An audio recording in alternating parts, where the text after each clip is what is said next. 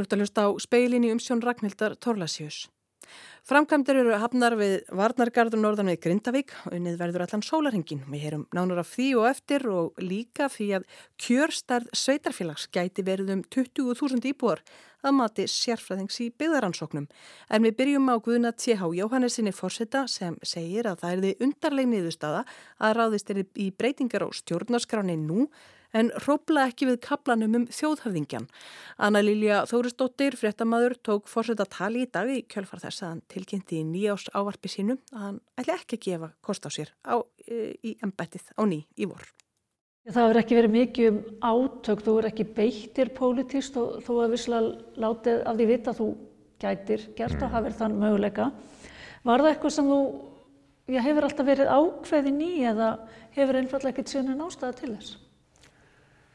Eh, Kanski horfir fólk helst til sinjunavaldsforsetta og í forsetaframbóði 2016 og 2020 ítrykkaði ég að, að það lægi í augum uppi og umhverfiðis í stjórnaskrá ef svo ber undir að eh, forseti hefur vald til þess að sinja lögum staðfestingar þannig að eh, þau haldi gildi sínu en fari í þjóðaratkvæðgreyslu.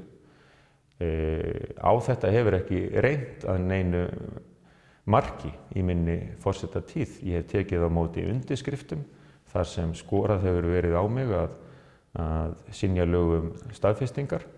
En uh, sá fjöldi undirskrifta hefur ekki verið nálagt því sem hefur þótt uh, döga fyrra á tíð. Uh, undir, vel undir 10.000 undirskriftir í hvert einasta skipti og það er svo langt fyrir neðan það sem eðlilegt má teljast í líðræðis ríki. Þannig að á þetta reyndi aldrei fyrir utan það að ég nefndi við fórsættisráþara hverju sinni uh, og fleiri uh, að kæmi til þess að hingað bærust 20.000 undirskrifta á áskorana eða kæmi til þess að ég í minni sannfæringu uh, segi mér ekki fært að undir þetta lög þá myndi ég auðvitað ekki gera það. Eh, en þetta var bara aldrei staða sem kom upp og svo sjáum við til hvernig eh, kemur, hvað gerist í tíð næsta fórsetta.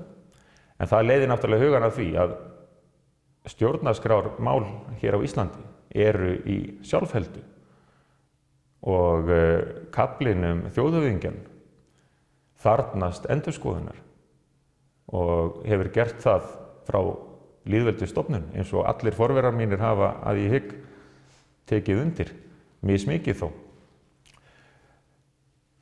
Hvað var þið brínast að endur skoða? Já, það er nú erfitt að sko, setja það á einhvern lista sem þú sé um, frá einum og upp í tíu eða eitthvað slíkt en uh, við getum tekið sem dæmi algjörlega úrreld ákvæði um það að fórseti geti veikt undantáu frá lögum út í það er farið. Uh, þar að ekki er samspil milli fórseta og ráþerra að formi til í stjórnarskrá eins og það var þegar Ísland var konungdæmi og ekki skinsamlegt eins og lögspekingar, stjórnmálamenn og margir fleiri hafa bent á að e, tólka þurfi ákvæði stjórnaskrárinnar með e, hliðsjón af þessu ákvæði hér en svo drægi annað ákvæði úr og þarframhendu göttunum og um þetta hefur lengi verið rætt og einhugur um eða í það minnsta mikill stuðningur við það að þetta megi laga. Eh, mér finnst ákvæði um handhafa fórsetavалds eh, ankannaleg í nútíma samfélagi á margalund eh, og gæti nefnt fleira. Nú er enn framöndan vinna við endurskoðun stjórnarskaróðurinnar. Þar er sjónum ekki beint að fórsetakablanum og það er því mjög undarleg niðurstaða ef við reyðumst nú í breytingar á stjórnarskrá uh, innan tíðar en hrópluðum alls ekki við kaplanum fórsetta. Jafnframt mætti nefna eh, ákvæði um fjölda meðmælenda sem eru þau sömu sem sé tilskilin fjöldi meðmælenda í fórsetaframböði og þau voru 1944 og reikni nú hver fyrir sig hvert hlutfallið er þá millir meðmælenda og fjölda e, kjósenda. E, það hlutfall breytist hröðum skrifum -hmm. og þar fram til góða. En já, forverðarinn á fórsetastóli þeirra láta sig hveð á já, svona ymsu sviðum eftir að þeir létu af ennbættu. Hvað sér þú fyrir þér eftir 1. ágúst? Mm, ég hygg að ég muni hafa mestan vilja til þess að uh, sinna einhvers konar fræðastörfum. En uh, get líka að hugsa mér að, að láta að mig hveð á öðrum vettvangi.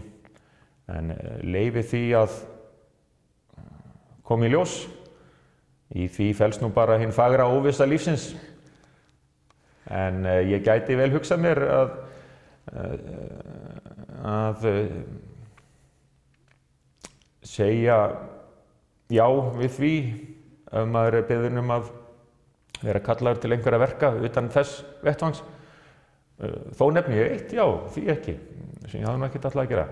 En áður en ég tók ennbætti, þá var ég farin að undirbúa eða eitthvað drögað eða hvetja til að við, að við hérna tækjum saman einhvers konar öfluga sjónválstáttaröð um sögu Íslendinga og því þá ekki að, að, hérna, að uh, leggja þýlið með einhverjum hætti.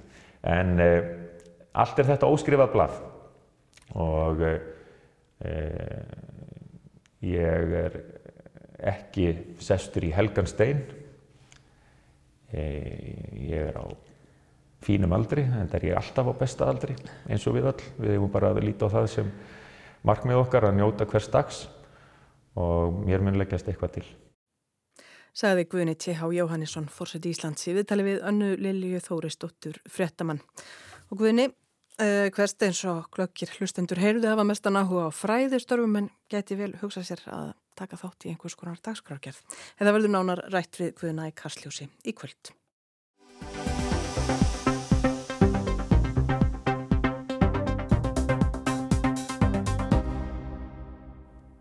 Nú rýður á að gera þetta hratt, segir Víður Einarsson, sviðstjóri almannavarna á, á við vinnu við Varnargarða norðan við Grindavík sem er nýjafinn.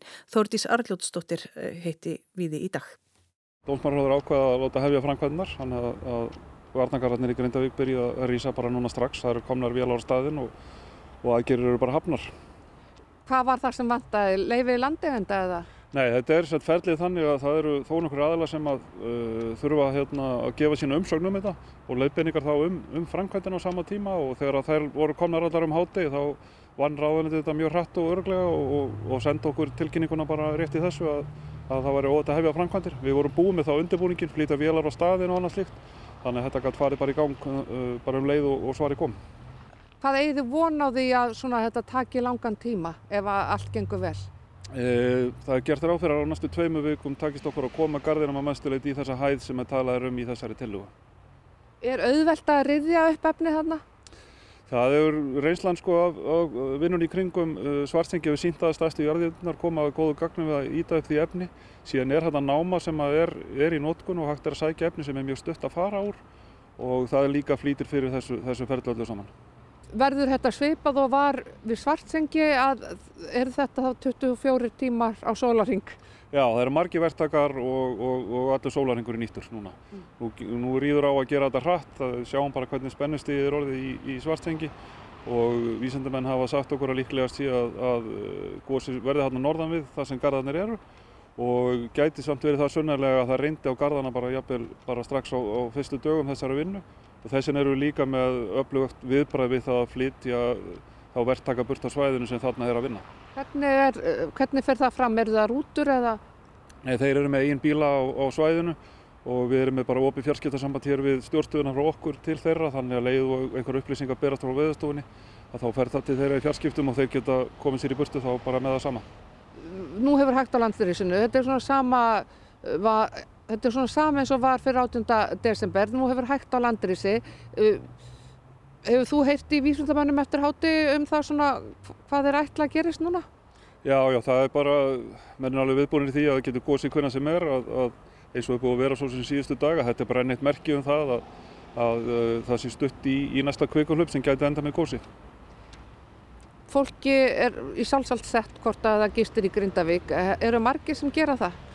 Sangat upplýsingar sem við höfðum þá voru 20, gist í 23 húsum síðustu nótt og við gerum ráð fyrir að segja eitthvað svipað næstu daga. Við höfum rálætt að fólk að gera þetta ekki. Við skiljum vel fólk sem er í neyð og getur ekki, ekki verið annar staðar en, en við teljum enþá að það sé verulega hætta eða talsverð hætta á, á gósi í eða við Grindavík og, og það mat okkar hefur ekki breyst þannig að, að hérna, við höfum verið að ráleika fólki að gista ekki þannig. Hvað þurfuð þá að ringja í hvern og einn og vekja ef þetta gerist um nótt?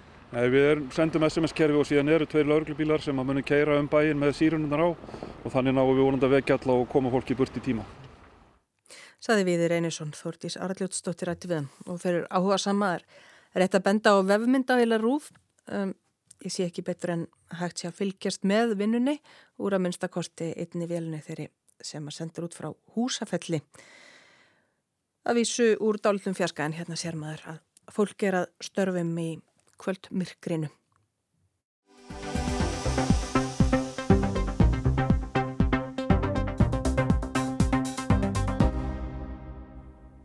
Viðamikil könnun meðal íbúa íslenskra sveitarfélaga sínir að þjónustan er almennt betri í fjölmennari sveitarfélagum en fámennari. Sérfræðingur í byggðaransóknum segir margt erfiðara í fámennum samfélagum og að hröð þróun og auknar kröfur um þjónustu, eh, að, um, um þjónustu krefist sérfræðiþekkingar sem fámenn dreifbíli sveitarfélag ráði illa við. Kjör stærð sveitarfélags gæti verið um 20.000 íbúar. Mörg undanfæran ár hefur verið gerð könnuna við um háskólans á Bifröst meðal íbúa sveitarfélaga og þar meðal annars spurt um hversu ánaður íbúanir eru með ímsa þjónustu sín sveitarfélags.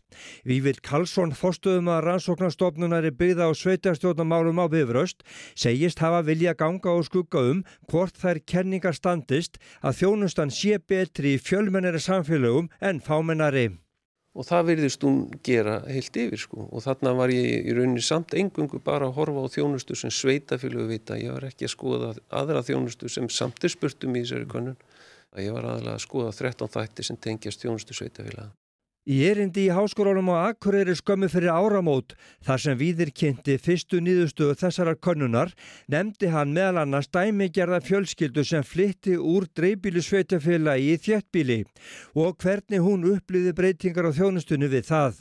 Í tíu af þrettán liðum sem spurt varum batnaði þjónustan.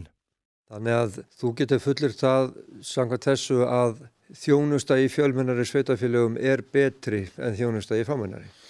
Já, hún er það og, og á bakvið þetta eru svör um 14.000 einstaklingar sem er bísna, bísna gott en, en hins vegar þá er þessi könnun samt, eh, henn er ekki lokið.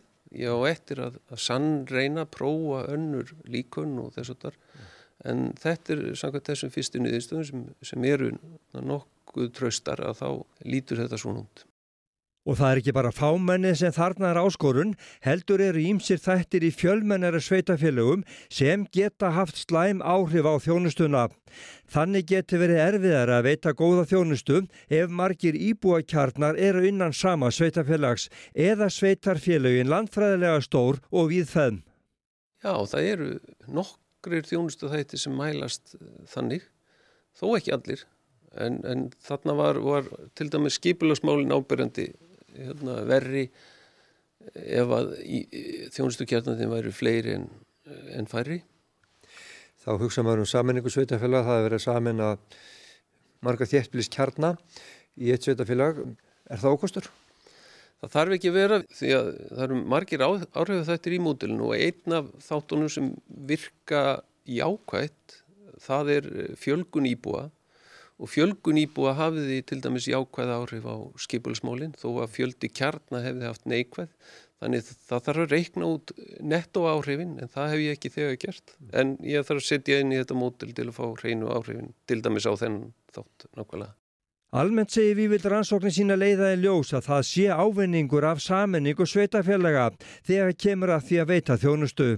Það sýnir skoðun hans á bókaldsgögnum sveitarfélaga yfir 16 ára tímabil frá 2004 til 2020 í því skyni að mæla stærðar hagkvæmni í rekstrinum. Og hún bendi til þess að í 8 til 9 málaflokkum af 12 þá er stærðarhagkvæmni þannig að það bendir til þess að það er eftir tölverð að slæjast við saminningar mm. og svo þessi stúdía á ánægu íbúina með, með þjónustu að þá er bendir eindrið til þess að, að það sé eftir tölverð að slæjast að menn hafi náð að beistla, hvað við segja, hagraði stærðarinnar í betri þjónustu til íbúina og þjónusta í Íslenskar sveitafélaga hafið þróast það hratt á síðustu árum og kröfunar aukist að nú sé nöðsilegt að hafa sérfræðinga til staðar ef standast eigi þessar kröfur nútímanns. Fámenn samfélag eigi vandraðu með að ná í þetta sérhæða vinnuafl, sér í lagi ef viðkomandi samfélag er fjarrri stærri byggðalögum eins og til dæmis akkurýri eða höfuborgarsvæðinu. Því að það er þannig með menta fólk að það vil hafa til dæmis greiðan aðgangað í stórum, öflugum þjónustukjörnum sem hafa fjölbreytta þjónustu í menningu og, og öðru slíku. Þannig að það er, er alltaf erfiðar að ná, ná sérfræðingum í fámennari, einangraðri samfélagu heldur en þau sem eru miðlægari. Jafnvel þó þessu fámenn, þau með að vera fámenn en þú þart að eiga auðvelt með að komast á á höfuborgarsvæði eða inn, inn í eigafjörð þar sem að þú getur sóttir bæði leikus og ímislegt annað. Þannig að það er, þetta er erfitt og, og líka hitt að það er erfiðara fyrir fáminnar sveitafjölu að, að keppa í launum um þetta fólk. Fólk til dæmis á skipulasviðum er, er, það er mjög erfitt að ná í fólk eh, sem getur veitt slíka þjónustu í dag og þetta er krefjandi og þetta þurfa að vera margir og, og sérhæði starfsmenn. Þetta er mjög flókið og, hérna, og það er aðalega ástæðin, það er hérna, vangetat bæði fjárhásleg og svona hvar þú ert í sveit settur, það skiptir mjög miklu máli í þessu. Eitt af því sem hægt væri að rekna úr þessari viðamiklu könnun er kjörstarð sveitafélaga. Það er að segja æskilegur íbúafjöldi með tilliti til hagkvæmnu og þjónustu. Við vil segist enn ekki vera komin svo langt. En ég sé danska rannsók sem að gaf til kynna að, að íbúafjöldu upp á 20-30.000 íbúar væri svona kjörstærð. Og þá eru við kannski með agurir sem besta dæmið um það hér. Það sem flækir þetta aðeins og af því við, ég nefndi nú Danmörku, þá, þá er Danmörk uh, lítil og nett eins og sagt er. Og við þurfum að skoða áhrif uh, bæði fjölkjarnar og, og svo stærðarinnar eh, til þess að, að, að svona átt okkur á því hvaða samsetning væri hendust uh, við íslenskar aðstæður. Mm. Þannig að við þurfum aðeins að þróa þetta áfram og, og, og taka hana bólta áfram. En auðvitað jörna, fer maður að velta fyrir sér hlutum eins og þú veist við erum ennþá með töluvert mörg sveitafélug sem eru undir þúsund íbúum og þúsund er langt frá 20.000. Mm.